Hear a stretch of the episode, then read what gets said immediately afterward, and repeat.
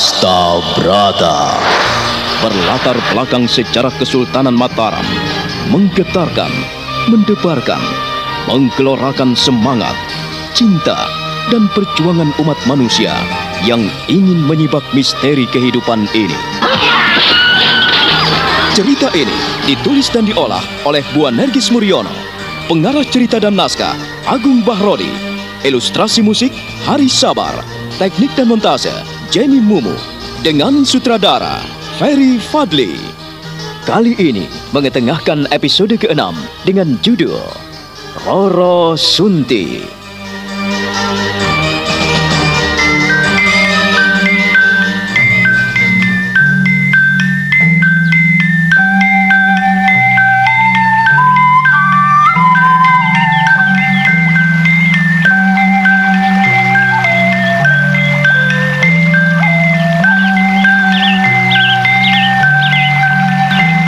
Pada pagi itu, matahari belum begitu tinggi saat sinarnya menerobos celah-celah dedaunan di hutan teratak. Di sendang telon, Roro Sunti dan Roro Sumi sedang mandi keramas dan mencuci pakaiannya. Seperti biasa, pada pagi itu, Sukmo mengumpulkan kayu-kayu kering.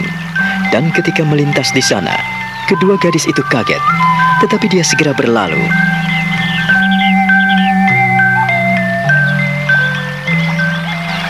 Kenapa kau diam saja? Katanya kau ingin tahu anak itu. Setelah ketemu, kau tidak mau memanggilnya. Demi Tuhan, baru kali ini aku melihatnya. Lihatlah, kau diam saja. Apa-apaan kau ini Roro Semi? Roro Sunti, Aji Sukmo, Roro Sunti, Aji Sukmo. Roro Semi, Aji Sukmo. Roro Sunti, Roro Semi, Aji Sukmo, Roro Semi. Kau ini Roro Semi? Hah? Aku menghitung-hitung Roro Sunti. Mana yang tepat? Roro Semi atau Roro Sunti? ah, kau sudah gila. Berkenalan saja belum? Sudah main jodoh-jodohan. Nggak lucu? Eh, justru itulah yang menarik. Aku ingin menghitungnya sendiri sebelum bertemu dengan pemuda itu. Aji Sukmo. Ya, nama yang indah dan berarti sekali. Kau boleh datang ke rumahnya Isorok dan berkenalan dengannya. Idih, begitu saja marah. Jangan begitu, Sunti. Kita kan sama-sama perempuan. Kau sekarang mulai genit, Roro Semi. Sekali-kali genit kan enggak apa. Percayalah, aku setia pada janjiku, Sunti. Bagaimana menurutmu? Ia menarik? Apa yang kubayangkan persis sama. Apa yang sama? Pemuda itu ganteng, tinggi gede, pintar dan sopan. Kalau ia anak yang tidak sopan, tentu ia tetap saja di sini dan menggoda kita. Oh, dasar. Hei, kau jangan cemburu, Sunti. Percayalah padaku, Aku akan menyerahkan semuanya kepadamu. Kalau kau bahagia, aku pun ikut senang. Kau ini bicara apa? Hah? Tidak lucu. Aku bicara tentang harapan seorang gadis yang mendambakan seorang pemuda tampan, pemuda pintar, dan sopan santun. Mana ada pemuda yang lemah lembut seperti dia? Sopan santun lagi. Dan nampaknya ia memiliki suatu... Sesuatu uh, apa, Semi? Suatu keistimewaan. Ya, kelebihan dibandingkan dengan para pemuda yang ku kenal di teratak ini. Kau sudah mulai gila rupanya. Hmm, barangkali. Tetapi nampaknya memang iya. Kuakui, ia nampak memiliki banyak kelebihan. Ya, sekarang jangan banyak omong. Lekaslah, kita berkemas. Kau boleh langsung ke rumahnya Isorok atau ikut pulang.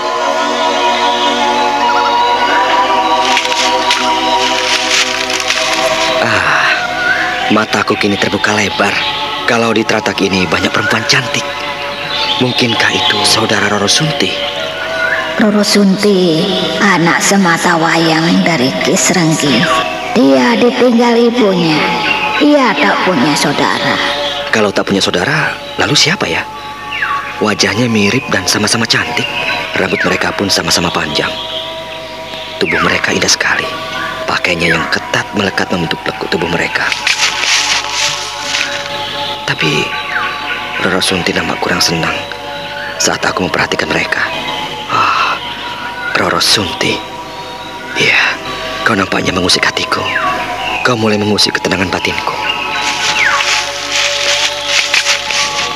Mengertikah kau, Sunti?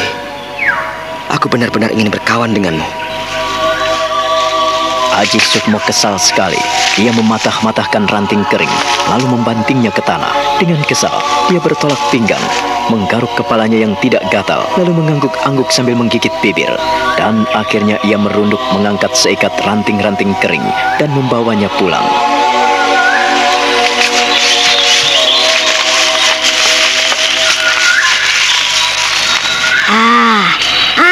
Laki-laki tak pantas pulang membawa kayu hanya seikat. Hah? Seharusnya kau pikul kayu kering dan baru pulang. Eh, eh, eh. Kenapa wajahmu murung, Sukmo? Eh, siapa yang murung, Nek? Nenek selalu memperhatikan aku. Kau tak perlu murung seperti itu. Kalau kau malas mengambil kayu, jangan lakukan. Ikuti kemauan hati dan pikiranmu. Turutilah keinginan batinmu. Eh, Nenek, begitu saja marah. Nenek tidak marah, Sukmo. Nenek bicara tentang kebenaran. Kalau kau tidak mau mengambil kayu bakar, janganlah bersungut-sungut saat bekerja. Orang yang bekerja dengan bersungut-sungut tidak akan pernah mendapat berkat. Tidak, Nek, tidak.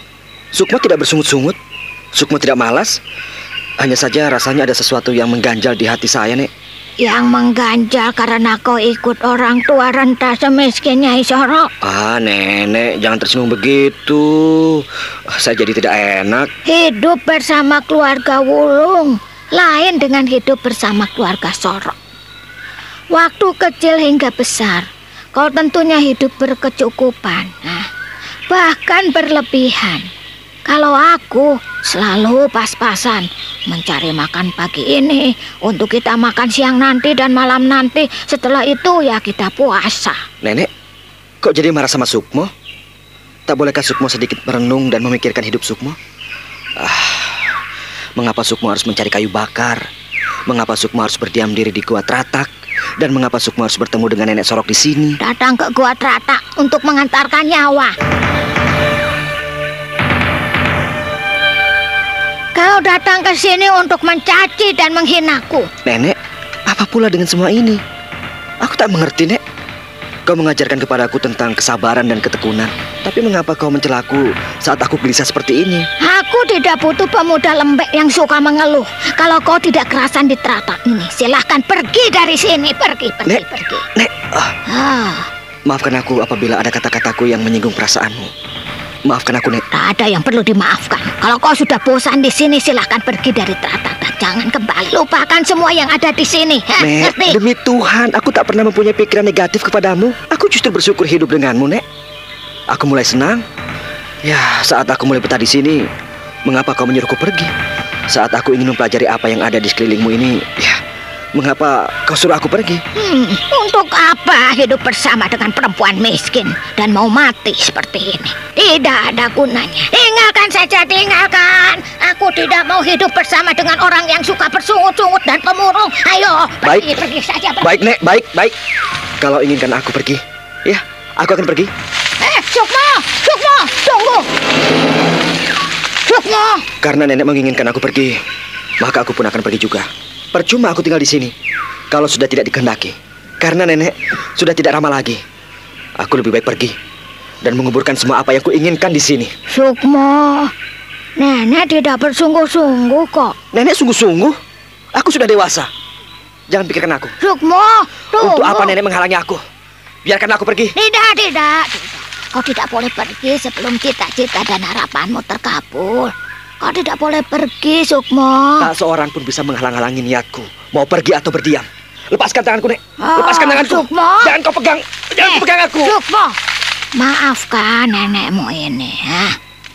Kau ternyata tetap bandel dan keras hati seperti waktu kau kecil. Waktu kau pukul nenek dan kau obrak-abrik gubuk nenek, kau obrak-abrik gua terata. Kau tak pernah berubah. Hah. Ah, Sukmo, Sukmo.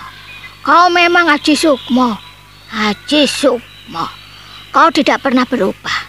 Lihatlah, lihat ini. Lihat pelipis nenek yang pernah kau pukul dulu. Hah? Nah, janganlah kau pergi, Nger. Jangan pergi sebelum mendapat apa yang kau inginkan. Kau tidak boleh mengumbar hawa nafsumu, Ger. Aku hanya ingin menguji sejauh mana kesabaran dan kesetiaanmu. Kesabaran untuk mendapatkan apa yang kau impikan selama ini. Kuhargai pengorbananmu. Kuhargai tekadmu sehingga kau mengabaikan rintangan, tantangan, dan hambatan yang menghadang di depanmu. Nenek sungguh-sungguh? Nenek bersungguh-sungguh untuk membimbingmu menuju keberhasilan.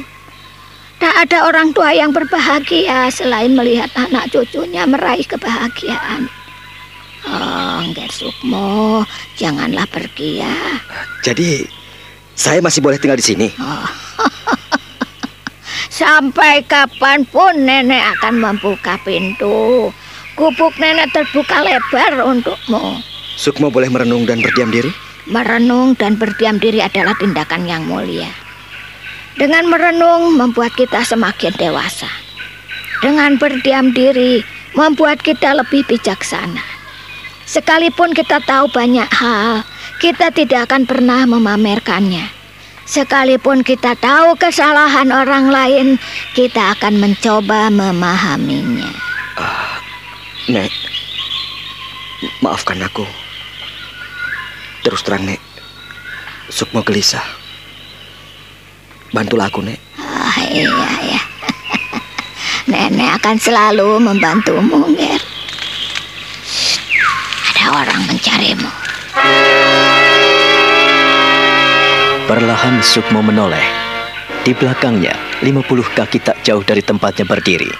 Nampak dua sosok gadis yang datang menghampirinya. Rambut mereka basah terurai.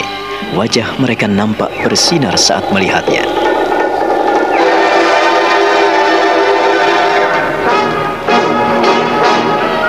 Selamat pagi, Nek. Selamat Ah, ya, ya, ya. Selamat pagi.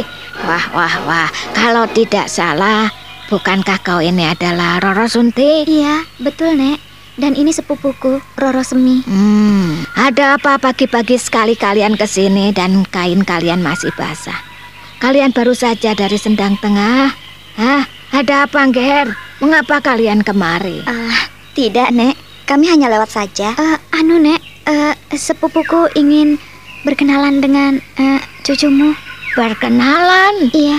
Ah, atau kalian tadi diganggunya? Ah, tidak, tidak, Nek. Ah, eh, iya, Nek. Tadi eh, mm, cucumu itu mengganggu kami. Ah, Ia mengintip kami saat kami mandi. Semi, iya. cucumu nakal ya, Nek. Suka mengintip orang mandi. Ah, aku tidak tahu apakah dia nakal. Tapi sejak kecil dia itu memang bandel. Apakah kalian akan menuntutnya? Iya, Nek. Kami akan menuntutnya. Kami tidak suka kalau ia mengintip kami. Kalau ia tidak minta maaf, akan kulaporkan pada Paman Serenggi.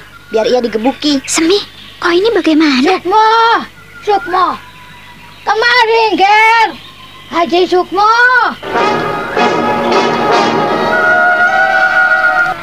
Ada apa, Nek? Ada urusan apa kau dengan gadis-gadis cantik ini? Kau telah mengganggu mereka? Tidak. Eh, Aku tak mengganggu mereka. Loh, loh, loh, loh. Mana yang benar ini? Kalian berdua atau kamu? Mereka bilang kau mengintip mereka mandi. Iya atau tidak? Ayo, Aku tidak mengintipnya, Nek. Aku tidak. Iya, kau mengintip kami. Mengaku saja. benar. Kau mengintip mereka saat mereka mandi, Sukmo. Hah? Untuk apa saya mengintip mereka, Nek? Eh, kalau perlu dan kalau aku mau, lebih baik berterus terang dan minta pada mereka. Eh, eh, tidak, aku tidak mengintip mereka, Nek. Tidak, tidak, tidak. Kalau kau tidak mengintip kami, mengapa kau lewat sendang tengah? Pasti kau mengintip kami. Sukmo, kau tidak boleh mengintip orang mandi. Ayo, minta maaf pada mereka. Jangan sampai masalah ini terdengar oleh Kisrengi. Eh, aku tidak salah, Nek. Untuk apa aku minta maaf? Bukankah sedang tengah adalah tempat umum? Setiap hari aku lewat sedang tengah dan sudah biasa ada orang-orang yang mandi. Kau harus minta maaf pada mereka. Ayo, ayo, minta maaf lah. Sekali lagi, aku tak mungkin minta maaf pada mereka. Aku tidak bersalah. Hmm, atau memang kalian menganggap aku luput jika aku melewati sedang tengah. Sedangkan sedang tengah sendiri adalah milik orang banyak. Tapi kau mengintip kami. Semi, kau berani sekali. Sudahlah, aku tidak ingin kalian bertengkar. Ayo Sukmo, mintalah maaf.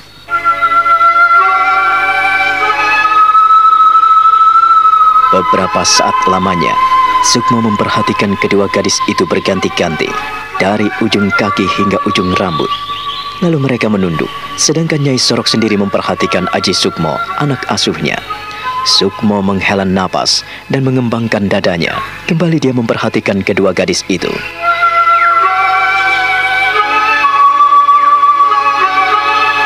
Baik, kalau kalian memang menganggap aku bersalah, aku minta maaf.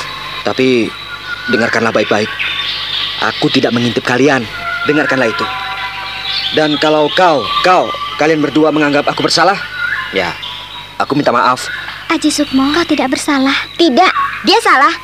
Aku tidak akan memaafkanmu. Sunti, ayo pulang. Mengapa kau berkeras hati pada mereka? Hah? Aku tulus, Nek. Aku jujur. Nenek memaksa aku minta maaf. Padahal aku tidak bersalah. Demi Tuhan, aku tidak mengintip mereka. Aku hanya lewat. Ah, ya ya ya ya, baiklah. Tetapi kau harus menghargai. Mereka sudah perawan. Malu kan apabila kau lewat ketika mereka sedang mandi. Aku sudah minta maaf. Mereka saja yang ingin kemari. Ingin mencari perkara. Kau marah pada mereka? Tidak. Hah? Tapi aku benar-benar jengkel. Ada sesuatu yang mereka inginkan. Tidak seperti itu caranya menghadapi para gadis. Kau harus lembut, Sukmo. Lalu mana yang benar, Nek? Orang yang tidak bersalah minta maaf. Dan orang yang bersalah merasa benar. Begitu. Ah, yang benar saja, Nek. Aku tidak bisa seperti itu. Eh, dengar. Jangan sampai kau menyakiti hati Roro Sunti dan Roro Semi. Kalau sampai mereka benar-benar melaporkan pada Kisrenggi, lalu apa jadinya? Hah? Permusuhan, pertentangan dan kesalahpahaman. Kau mengerti itu, Nger? Ah, Nek, aku tahu apa yang mereka inginkan. Kalau kau tahu seharusnya tidak seperti itu. Nenek menyesal sekali. Kau tetap bandel dan keras hati. Kapan kau belajar sabar? Kapan Naji Sukmo? Hah? Aku sudah minta maaf, Nek. Tetapi Roro Semi sendiri yang tidak mau memaafkan kesalahanku. Biarkan saja. Tidak perlu meladeni orang-orang seperti itu. Seharusnya kau bersikap biasa-biasa saja. Justru nenek merasa heran. Heran. Heran kepadaku. Nenek heran. Ada sesuatu yang ganjil dalam sorot matamu. Dalam sikap dan sifatmu. Nenek yakin kau mengharapkan salah satu di antara mereka. Wajah Sukmo nampak merah padam. Dia tak mau membalas tatapan Nyai Sorok. Tiba-tiba hati dan angannya melayang pada sosok wajah Roro Sunti yang menghantuinya. Dalam batinnya timbul rasa sesal karena dia tidak bisa bersikap wajar saja terhadap mereka. Sementara itu, Roro Sunti dan Roro Sumi sudah sampai di rumah. Setelah mereka berganti pakaian, mereka nampak murung.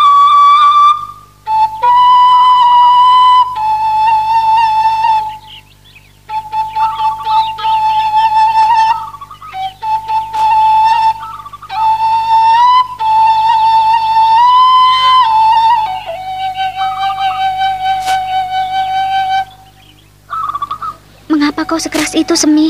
Mengapa kau tidak mendukungku, Sunti? Ah, kau ini tidak adil. Seharusnya kau mendukungku.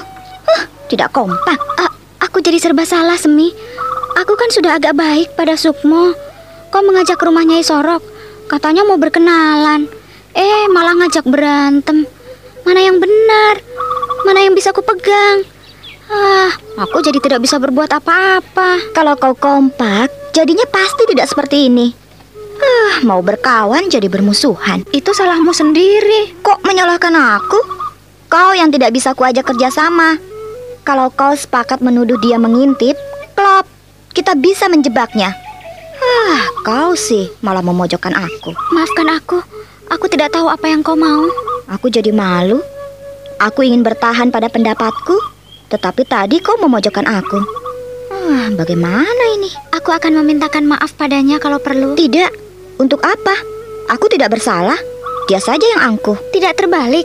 Kau yang angkuh. Kau mengajakku segera pulang dan mampir ke rumah Nyai Sorok. Setelah sampai di sana dan melihat pemuda itu, kau tidak mau berkenalan, tetapi malah bersungut-sungut dan pura-pura marah kepadanya. Aku tidak bisa berbuat apa-apa, Semi. Eh, eh, Sunti, aku pulang dulu ya. Kok? Kenapa buru-buru? Kau berjanji menemaniku sampai bapak pulang. Ah, Semi, maafkan aku.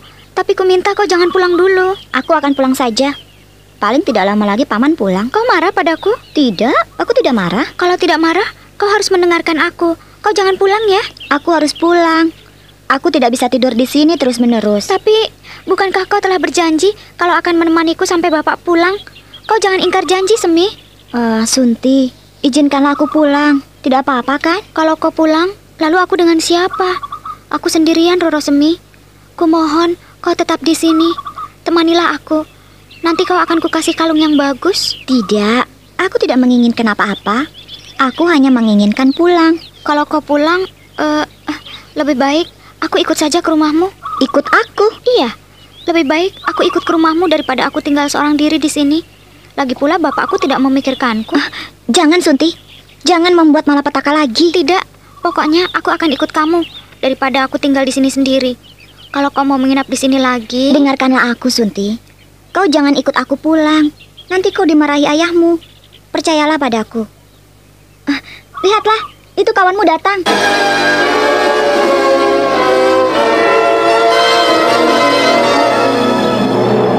Ketika Roro Semi akan pulang meninggalkan Roro Sunti, dari kejauhan datanglah seorang gadis yang berlari-lari kecil menghampiri Roro Semi dan Roro Sunti. Hati Roro Sunti agak terhibur dan dia melepaskan pegangannya pada Roro Semi.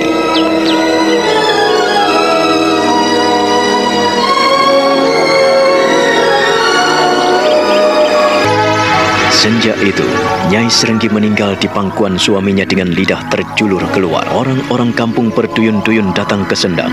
Mereka menuduh Ki Serenggi sebagai pembunuh istrinya.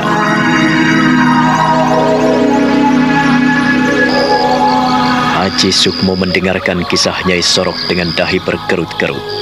Lalu dia mengangguk-angguk mengerti apa yang telah dialami oleh lelaki yang kini menjadi perampok di desa Teratak itu.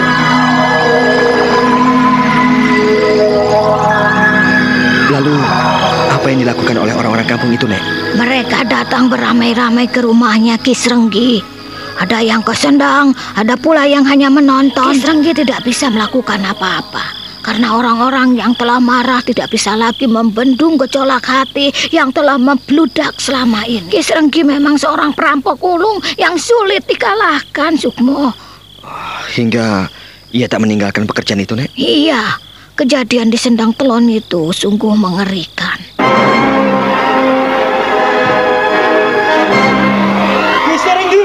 Istrinya.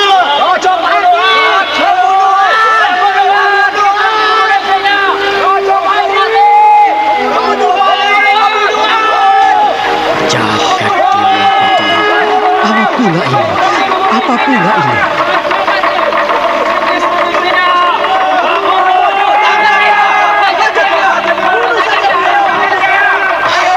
Bunuh dia. Tolong istriku, maafkan aku apabila harus menelantarkan jenazah ini. Baik, aku akan tunjukkan kepada mereka siapa aku. Aku tidak akan membiarkan mulut mereka terlalu lancang menuduhku. Hayo, majulah kalian semua. Kalau memang kalian menuduhku membunuh istriku, bunuhlah Ki Serenggi. Aku tidak akan mundur selangkah pun. Ayo, majulah. Jangan hanya bersorak-sorak dan berteriak-teriak dari kejauhan. Tangkap aku dan bunuhlah aku. Ayo,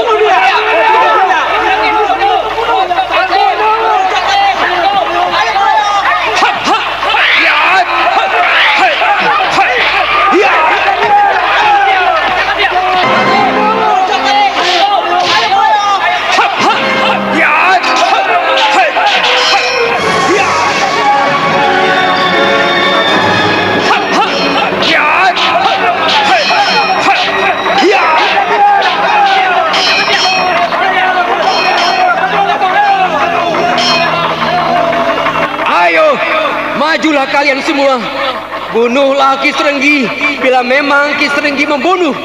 Tetapi lihatlah, lihatlah siapa yang ada dalam pelukanku ini, ha? Lihatlah siapa yang ada dalam pangkuanku ini. Kalian buta. Kalian hanya bisa memfitnah dan membunuh. Tangkaplah aku. Tangkaplah Ki Serenggi. Bunuhlah dan cincang aku apabila memang terbukti aku bersalah.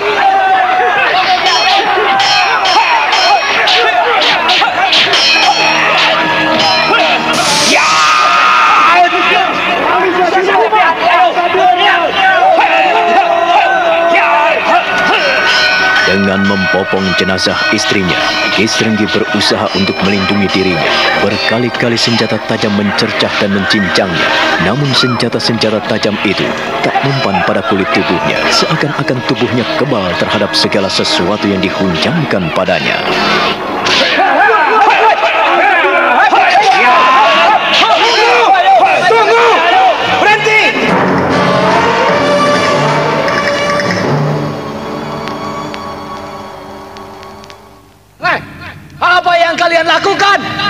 Apa yang kalian lakukan?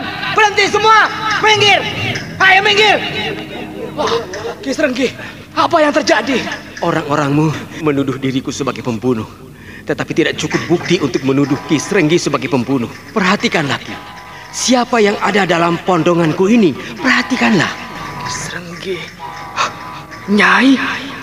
Oh, kembang telon. Mengapa bisa terjadi seperti ini? Apa yang terjadi, Ki? Pak Lurah, aku tidak bisa menceritakan kepadamu. Bertanyalah pada mereka yang sok menuduh dan sok memfitnah. Tanyakan sendiri pada mereka.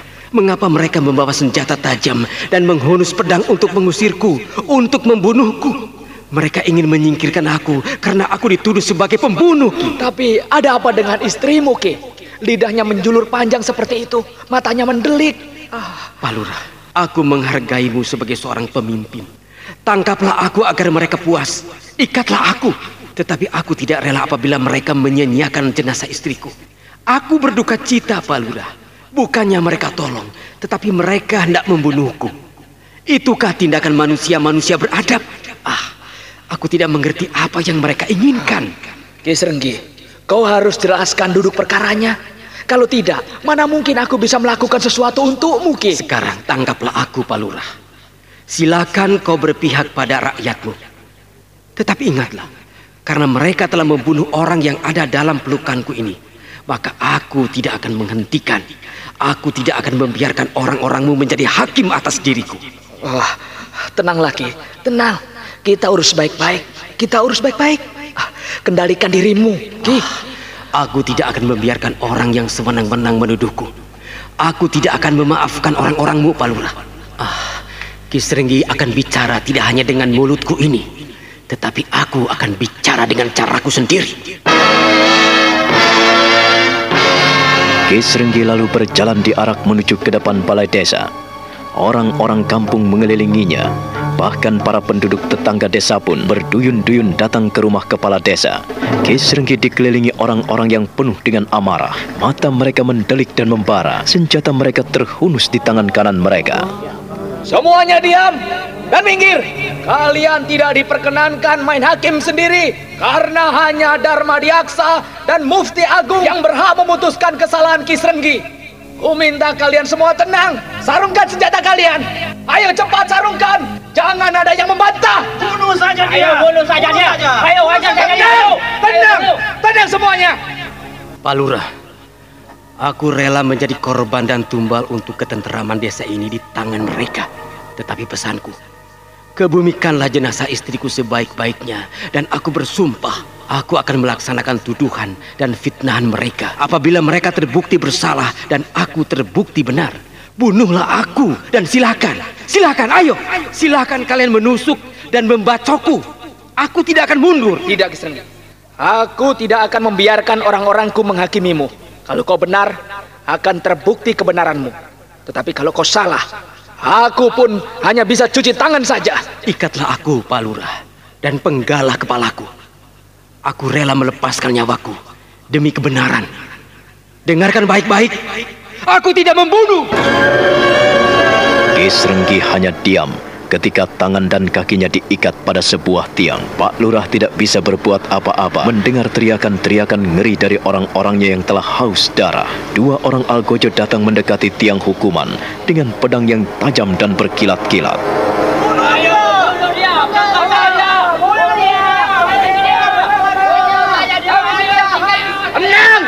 Tenang. Dengarkanlah.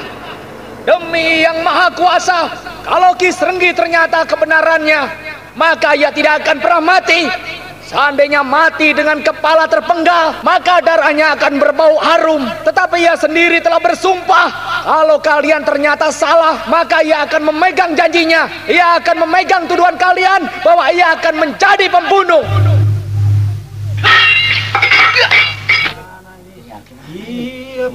Kau, Kisrenggi, lepaskanlah segala ilmumu. Kau harus menerima hukumanmu dengan rela.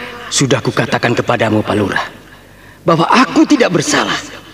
Aku tidak membunuh istriku. Hanya orang gilalah yang membunuh istri yang dicintainya, Palura.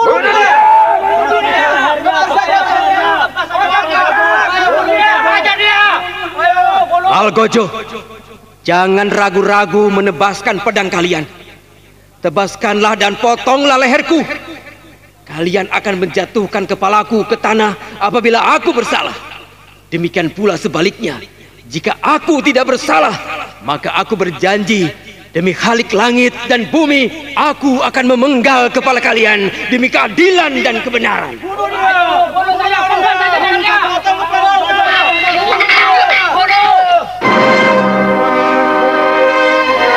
Orang-orang terbelalak lebar, mulut mereka pun menganga dan tidak bisa berbuat apa-apa ketika Kisrenggi benar-benar tidak mempan oleh senjata tajam. Dua tebasan pedang yang amat tajam dan mengerikan itu tak sedikit pun mampu mengoyakkan kulitnya. Algojo, Algojo. Sekali lagi ku beri kesempatan untuk menebas batang leherku. Atau pilihlah bagian tubuhku yang terlunak. Apabila memang aku bersalah, maka pedang kalian yang tajam dan besar itu akan mencabik-cabik tubuhku. Tetapi kalian semua pun perlu tahu, kalau Kisrenggi tidak bersalah, maka kepala kalian akan menggelinding di tanah dan selamanya Kisrenggi akan menjadi perampok dan pembunuh.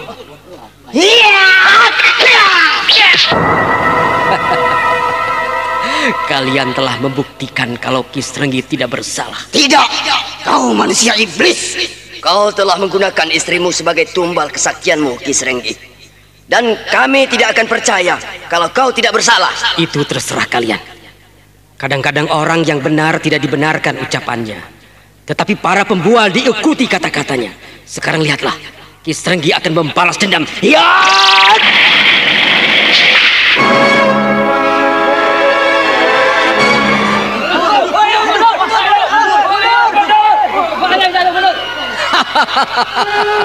Kisrenggi tidak bersalah dan kalian semua menjadi saksinya.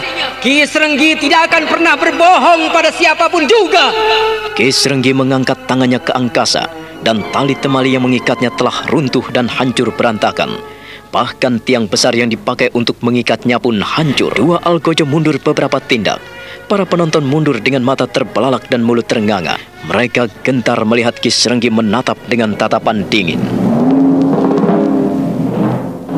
Kalau perlu kalian semua boleh mengeroyokku karena kalian telah menghakimiku sebagai pembunuh. Sekarang akan kubuktikan kata-kata kalian bahwa Kisrenggi benar-benar pembunuh. Kami akan membunuhmu, Kisrenggi. Kamu sebagai tumbal kesaktianmu.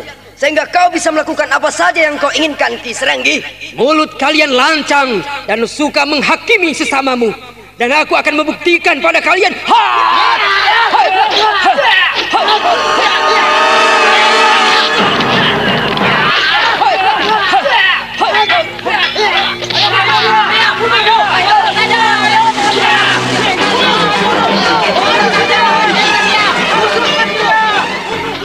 Jadi, Kisrenggi memang menggunakan istri sebagai tumbal, Nek? Ya, sampai sekarang tidak ada yang tahu Sukmo. Apakah ia benar-benar menggunakan istrinya sebagai tumbal apa tidak? Nenek pun tidak tahu. Kau bisa menanyakannya kepada Roro Sunti. Itu pun kalau ia tahu. Nampaknya mereka tak adil. Karena tak bisa membuktikan kebenaran bahwa Kisrenggi itu pembunuh atau tidak. Lalu bagaimana dengan kedua Algojo yang akan menebas leher Kisrenggi itu? Kedua Algojo itu, wah, mengerikan sekali. Mereka bertarung.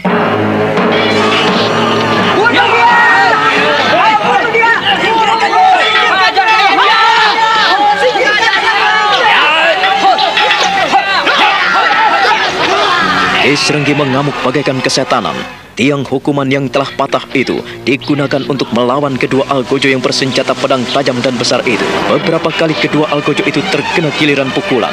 Tiang yang sebesar paha manusia itu beberapa kali menghajar lutut, paha, dan pinggul Algojo itu. Dan pada suatu ketika, kedua pedang itu berbenturan, ingin memotong leher Kisrenggi. Tetapi dengan lincah Kisrenggi melompat dan menyabutkan tiang itu.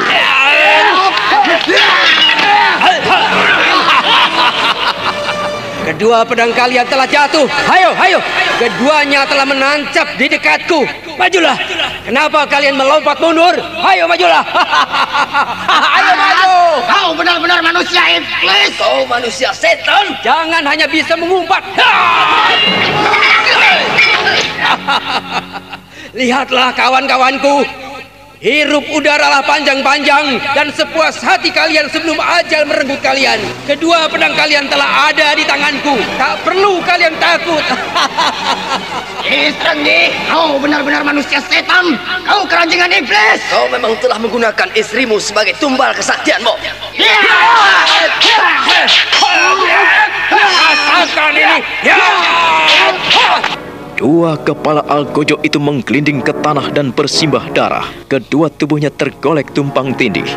Ki Serenggi menginjak mayat mereka dan para penonton pun satu persatu meninggalkan arena. Mereka lari terbirit-birit menyelamatkan diri masing-masing.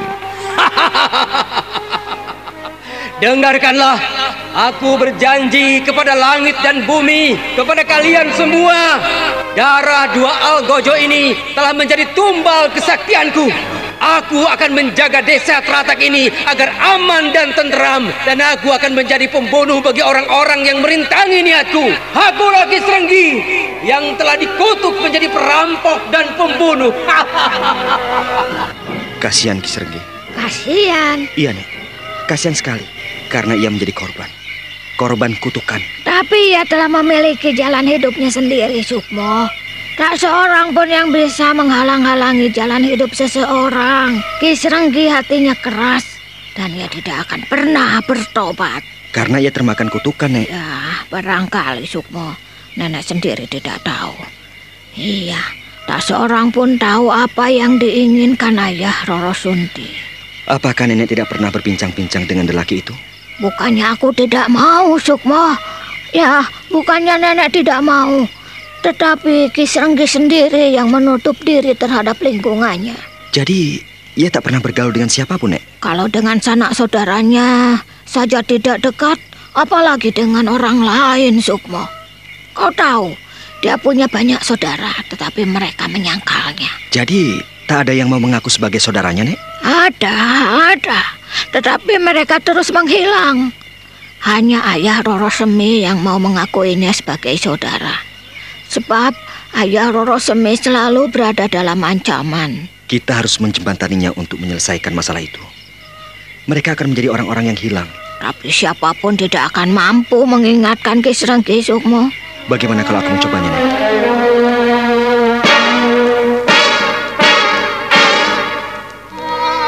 Nyai Sorok tidak menjawab tekad Sukmo. Perempuan tua itu hanya tersenyum.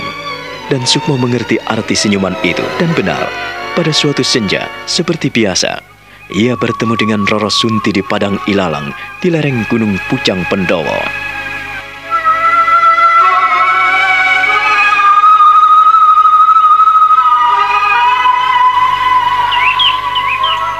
Roro Sunti. Ada apa Kakang Sukmo? Kenapa kau tertawa Kakang? Hatiku terasa dingin sekali saat kau memanggilku Kakang. Kalau begitu tidak jadi. Aku tidak mau memanggilmu kakang lagi.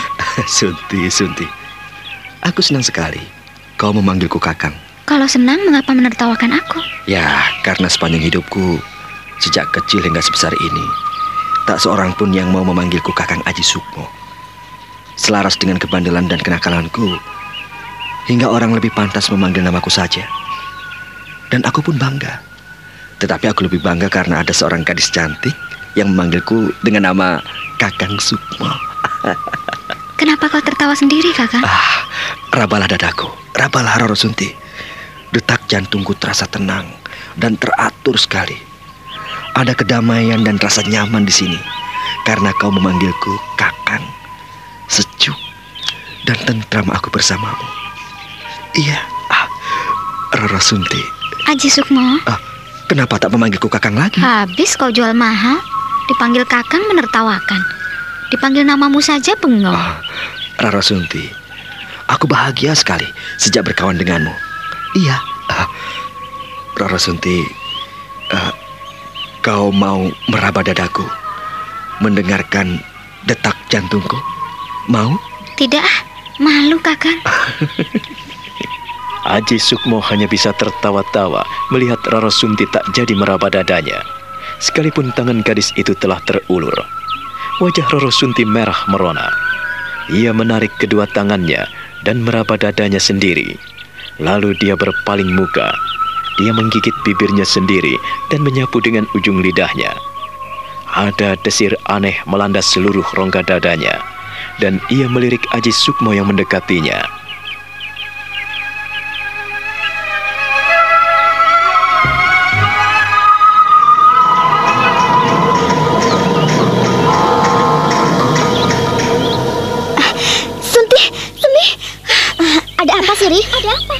Mengapa kau berlari-lari? Sunti, lebih baik kau tinggalkan rumahmu cepat. Tinggalkan rumahmu. Tinggalkan rumahku. ada apa, Siri? Ada apa? Iya, katakan pada kami. Ada apa, Siri? Ada apa? Pokoknya, tinggalkan rumahmu. Cepat. Ini bahaya. Ada apa? Ada apa? Ada apa, Siri? Mengapa aku harus meninggalkan rumahku? Ada apa? Orang-orang kampung ini akan menghancurkan rumahmu. Ayahmu di rumah atau tidak, Sunti? Oh, bagaimana ini, Semi? Bagaimana ini? Yang penting, cepat-cepat kau tinggalkan rumahmu. Jangan sampai kau menjadi korban dari amarah mereka. Ada apa? Katakanlah padaku. Ada apa sih? Pokoknya cepat tinggalkan rumahmu. Ayo, kau boleh ikut aku atau kau ikut Roro Semi. Terserah kau, Sunti. Yang penting tinggalkanlah rumah ini. Cepat. Jadi orang-orang kampung kita marah? Marah pada siapa? Tentu saja pada ayahmu. Cepat tinggalkan. Jangan sampai mereka ikut menjarahmu. Tinggalkan,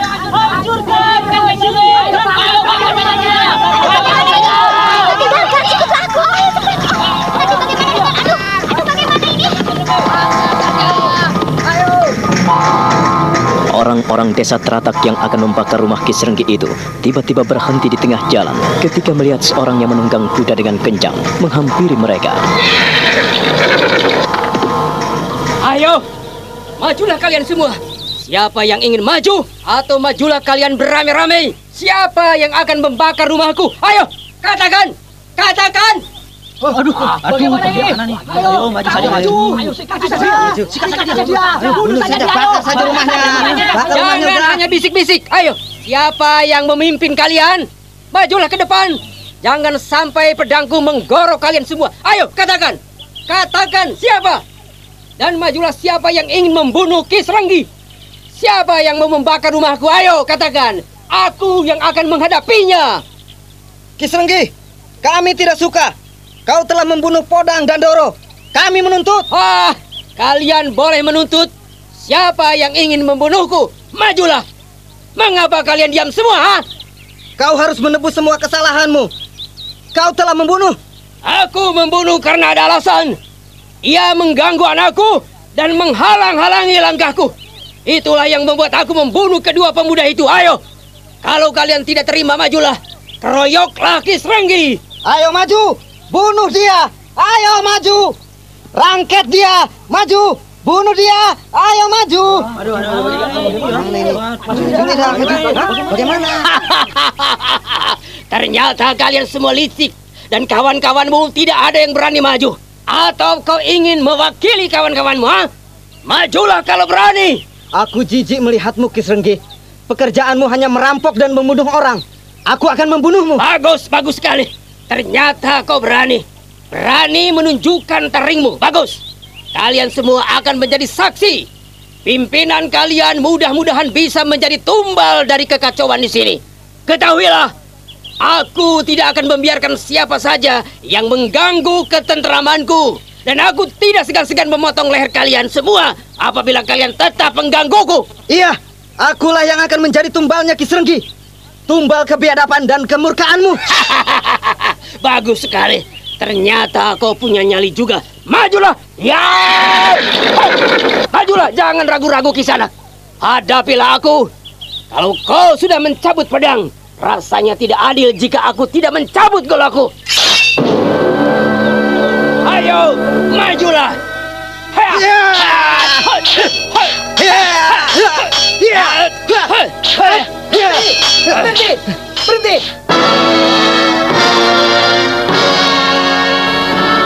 Eh, mengapa kalian berkelahi? Mengapa?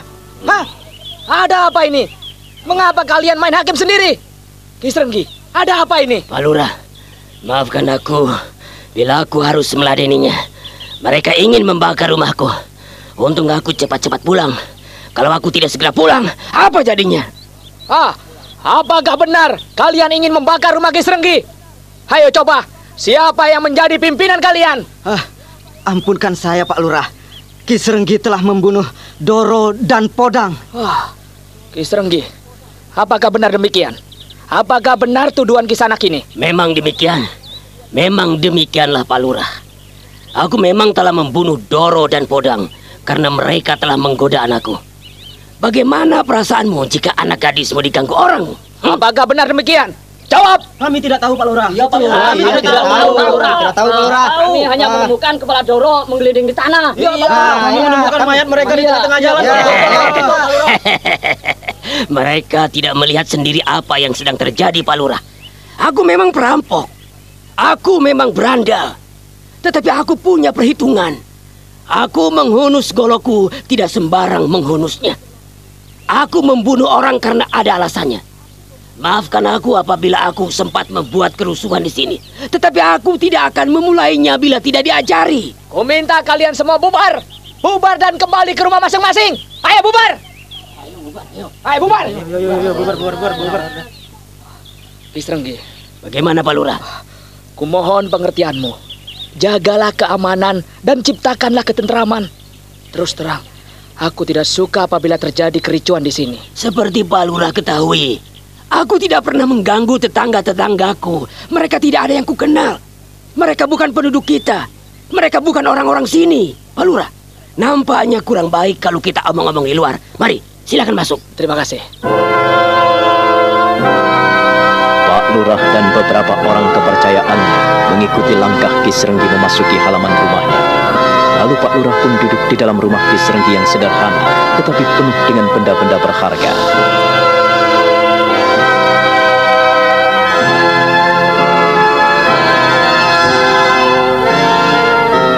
Silakan duduk Pak Lurah. Iya, terima kasih. Seperti pernah saya bilang pada Pak Lurah, saya tidak akan pernah mengganggu tetanggaku. Warga Teratak ini aman karena ada aku dan ada anak buahku. Kami menjaga keamanan di sini. Tetapi aku tidak tahu mengapa banyak orang yang menghasut dan membenciku. Ini, upeti untuk kas desa. Ini bagian yang baru saja saya dapatkan Pak Lurah. Terima kasih Kisrenggi. Terimalah untuk kesejahteraan rakyat Ratak dan sekitarnya. Baru saja saya pulang dari Mataram dan mendapatkan hasil yang lumayan. Itu, itu khusus untuk Pak Lurah. Eh, lalu bagaimana dengan dua orang yang meninggal di tengah jalan itu Kisrenggi? Aku berulang kali memperingatkan mereka, Pak Lurah. Mereka itu pemuda-pemuda tolol. Kalau menginginkan anakku, Mbok ya datang ke rumah, bertandang baik-baik. Apakah aku menolaknya? Tentu saja tidak, Pak Lurah. Sebetulnya bagaimana peristiwa yang sesungguhnya? Terus terang saja, aku marah karena anakku diganggunya. Kalau begitu, sudah setimpal dengan perbuatan mereka. Setimpal dengan perbuatan mereka yang kurang ajar dan ingin mencemarkan nama baik anakku. Akan mencemarkan nama baik penduduk di Teratak ini. Aku memang tidak segan-segan menghunus golokku apabila ada orang-orang yang kurang ajar dan tidak tahu tata krama, Pak Lurah. Iya, iya, iya. Aku mengerti perasaanmu, Kisrenggi. Hmm, lalu di mana anakmu? Aku tidak melihatnya. Sunti, Roro Sunti, kemarin du, Roro Sunti, Roro Sunti. Waduh, ah, sebentar Pak Lurah, biar ku cari di belakang.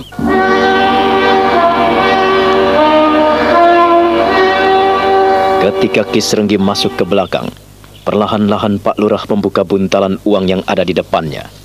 Matanya terbelalak ketika melihat buntalan itu. Uang emas. Sebuntal uang emas terletak di meja. Matanya berkilat-kilat dan bibirnya tersungging. Orang-orang kepercayaannya mencuri pandang melihat ke atas meja kayu ini.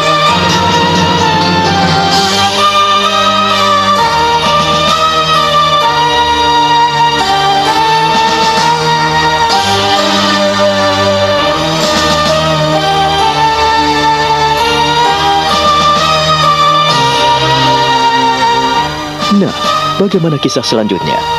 Saudara pendengar, silahkan menunggu seri berikutnya dalam serial Wahyu Astabrata ini. Sampai jumpa.